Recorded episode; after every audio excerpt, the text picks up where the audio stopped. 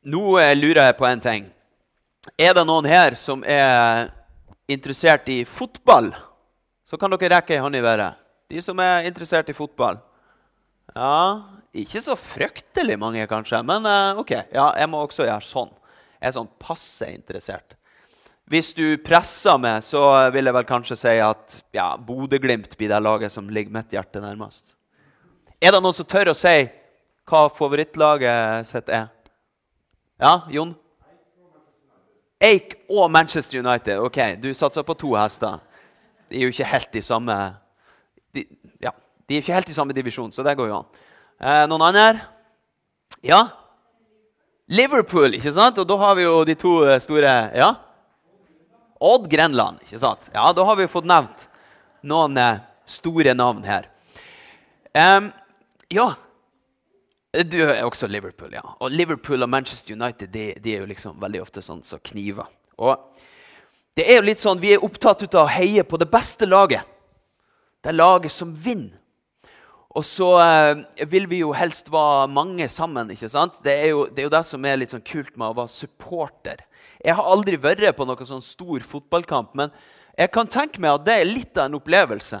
Du står der sammen med tusenvis av tusenvis av mennesker og heier på laget ditt, det er en eh, spesiell følelse.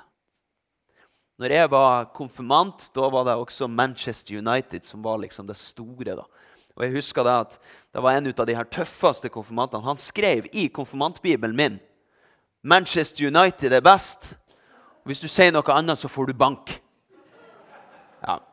Jeg slapp å få bank, heldigvis. Eh, men eh, vi vil liksom at de andre skal skjønne at vårt lag er best. Ikke sant? Ja. Og nå skal vi få høre om noen som eh, hadde det litt sånn. Fordi døperen Johannes han var en spesiell kar. Han hadde enda mer spesielle klær enn meg. For han er kledd i kamelhårskappe og han spiste gresshoppe og vill honning. Han holdt til i ødemarken. Han var som en av de profetene i Det gamle testamentet. Og så ropte han, 'Omvend dere! Slutt med alt det onde som dere gjør. Vend dere til Gud.' Og så døpte han folk. Han hadde ikke en sånn liten døpefond som vi har. Han døpte de i Jordanelva. Og den dåpen det var tegn på at det her skulle være alvor. Nå skal du slutte å baksnakke folk. Du skal slutte å snyte på skatten. Du skal slutte å være utro mot den du er gift med. Nå er det alvor. Og så hadde døperen Johannes han hadde disipler. Han hadde supportere. Og de syntes jo selvfølgelig det var kjempekult når det kom masse folk til Johannes. ikke sant? De var på vinnerlaget. Fordi det står det. Det kom masse folk til Johannes for å bli døpt av ham. Men så skjedde det noe. En dag så kom det en ny stjerne på banen, nemlig Jesus. Og så begynte folk å gå til han i stedet. Og så kom det mindre og mindre folk til Johannes. Og det likte disiplene til Johannes ganske dårlig. Og Det skal vi få høre litt mer om nå. Vi skal lese ifra det som står hos evangelisten Johannes i det tredje kapittel.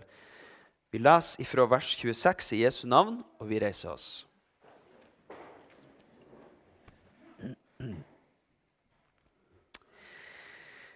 De gikk til Johannes og sa til ham, 'Rabbi, han som var sammen med deg på den andre siden av Jordan' og som du vitnet om, han døper nå, og alle går til ham.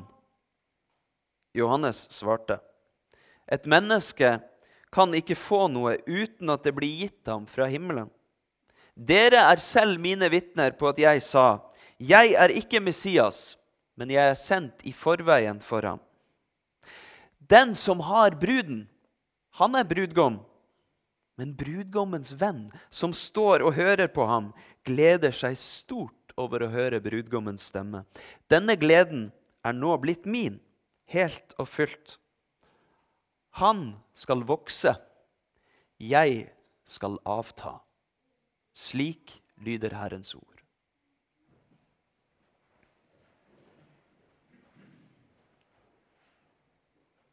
Disiplene til Johannes de var misunnelige på Jesus.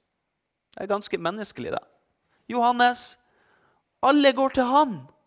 Det er ingen som kommer til oss lenger. Mens Johannes sjøl sa ja, det er akkurat sånn det skal være. Fordi Johannes han hadde skjønt noe som vi mennesker ikke alltid skjønner. Han forsto sin egen rolle.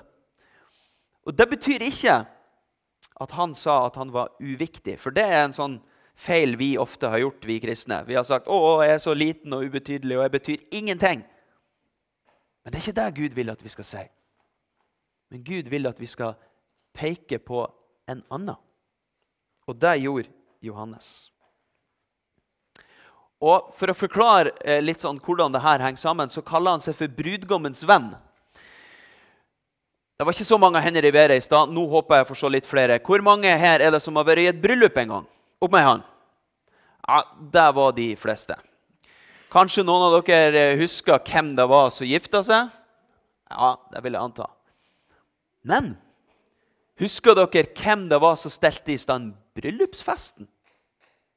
Ja, da må vi Forloveren? Ja, det kan det være. Noen ganger så er det kanskje brudens foreldre eller foreldrene til både brud og brudgom. Men vi husker nok ikke de fullt så godt som brudeparet. ikke sant? Fordi på en bryllupsdag da er det jo brudeparet som er i fokus, ikke de som er ansvarlig for festen. ikke sant? Og Sånn var det for Johannes, for han var nemlig brudgommens venn. det som vi kaller forlover. Og På den tida så var det den personen som hadde ansvar for alt som hadde med bryllupet å gjøre. Hadde det ikke vært for han, så hadde det ikke blitt noe som helst. Men det er jo ikke det som er poenget med et bryllup. Den dagen så er alt fokuset på brudeparet. Og brudgommens venn han gleder seg stort over det som skjer. For det er akkurat sånn det skal være. Det er brudgommen som kommer. Og vet dere hva? Jesus, han er brudgommen. Men hvem er hans brud? Det er vi. Det er vi som tror på han. Vi er hans brud. Han har gitt livet sitt for oss for at vi skal være hans. Og Når han kommer tilbake, da skal vi få være sammen med han. Og da blir det bryllupsfest i Guds rike. Og det kan jeg love dere. Det blir en helt annen bryllupsfest enn noe dere har vært med på før. Når vi feirer nattverd her litt senere i gudstjenesten, så er det en liten sånn forsmak på den festen. På det fellesskapet, på den gleden som vi skal få med på da. Og det var den festen Johannes ville forberede. Og derfor så er han ikke lei seg fordi folk går til Jesus fordi det er akkurat sånn det skal være. Jesus skal vokse, Johannes skal avta. Hans rolle skal bli mindre og mindre. Og jeg kjenner at jeg har noe å lære av deg. Det er nemlig litt farlig å være prest. Vet dere hvorfor? Fordi jeg kan bli frista til å tro at det handler om meg. Og så kan dere se på denne ballongen her. Det er meg.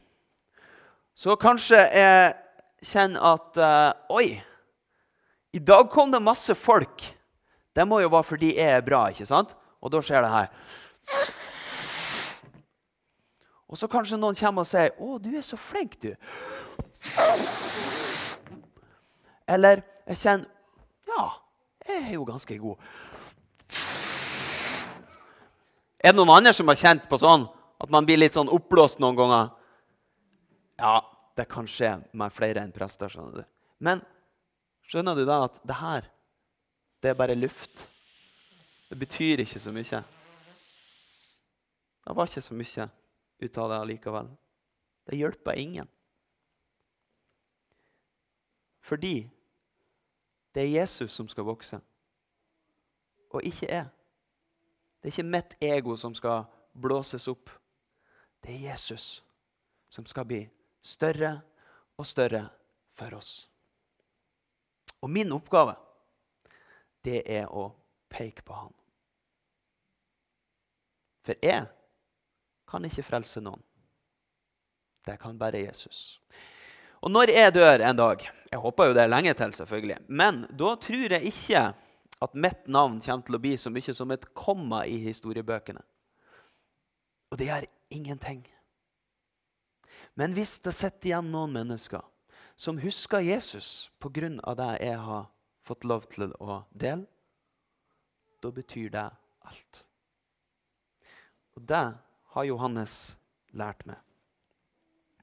Og Derfor så trenger ikke du heller å stresse med hva folk syns om det, eller hva du får til, eller om du lykkes, eller om du er populær. Fordi du, du kan få være fri til å være den som Gud har ment at du skal være. En som tilhører Jesus. En som er med og peker på Han. Og så trenger ikke du å si at du er uvektig eller du er ingenting. Men du kan få bruke evnene dine og gavene dine og alt du kan og alt du får til, til å peke på Jesus. Til å gi Gud æren. Vi kan få til mye, men det er ingen av oss som kan frelse et annet menneske. Det kan bare Jesus. Og Derfor skal han vokse, og vi skal avta. Så skal jeg fortelle dere en morsom liten ting til slutt. En såkalt fun fact. Fordi nå er det 6. juni. Om ikke så veldig lenge så er det sankthans. Jeg vet ikke om du har tenkt på hvem han der Hans er. Men det er altså Johannes. Det er bare en sånn kortform. Døperen Johannes det er han vi markerer da på sankthans. Og Det som er litt interessant, er at det gjør vi på den tida av året da sola står aller høyest. Den har vokst hele vinteren og hele våren så er den på den høyeste. Men ifra og med den datoen så begynner sola å avta. Og så går vi inn i mørket. Men vet dere hva vi samtidig går mot da? Da går vi samtidig mot Han som blir født i det aller mørkeste mørket. Og Derfor er det sånn at uh, Johannes han kunne ha sin glans men han som er verdens lys, han er det som alt dreier seg om. Han er lyset i vårt mørke. Han er vårt eneste håp. Ære være Faderen og Sønnen og Den hellige ånd, som var, er og være skal, en sann Gud fra evighet og til evighet. Amen.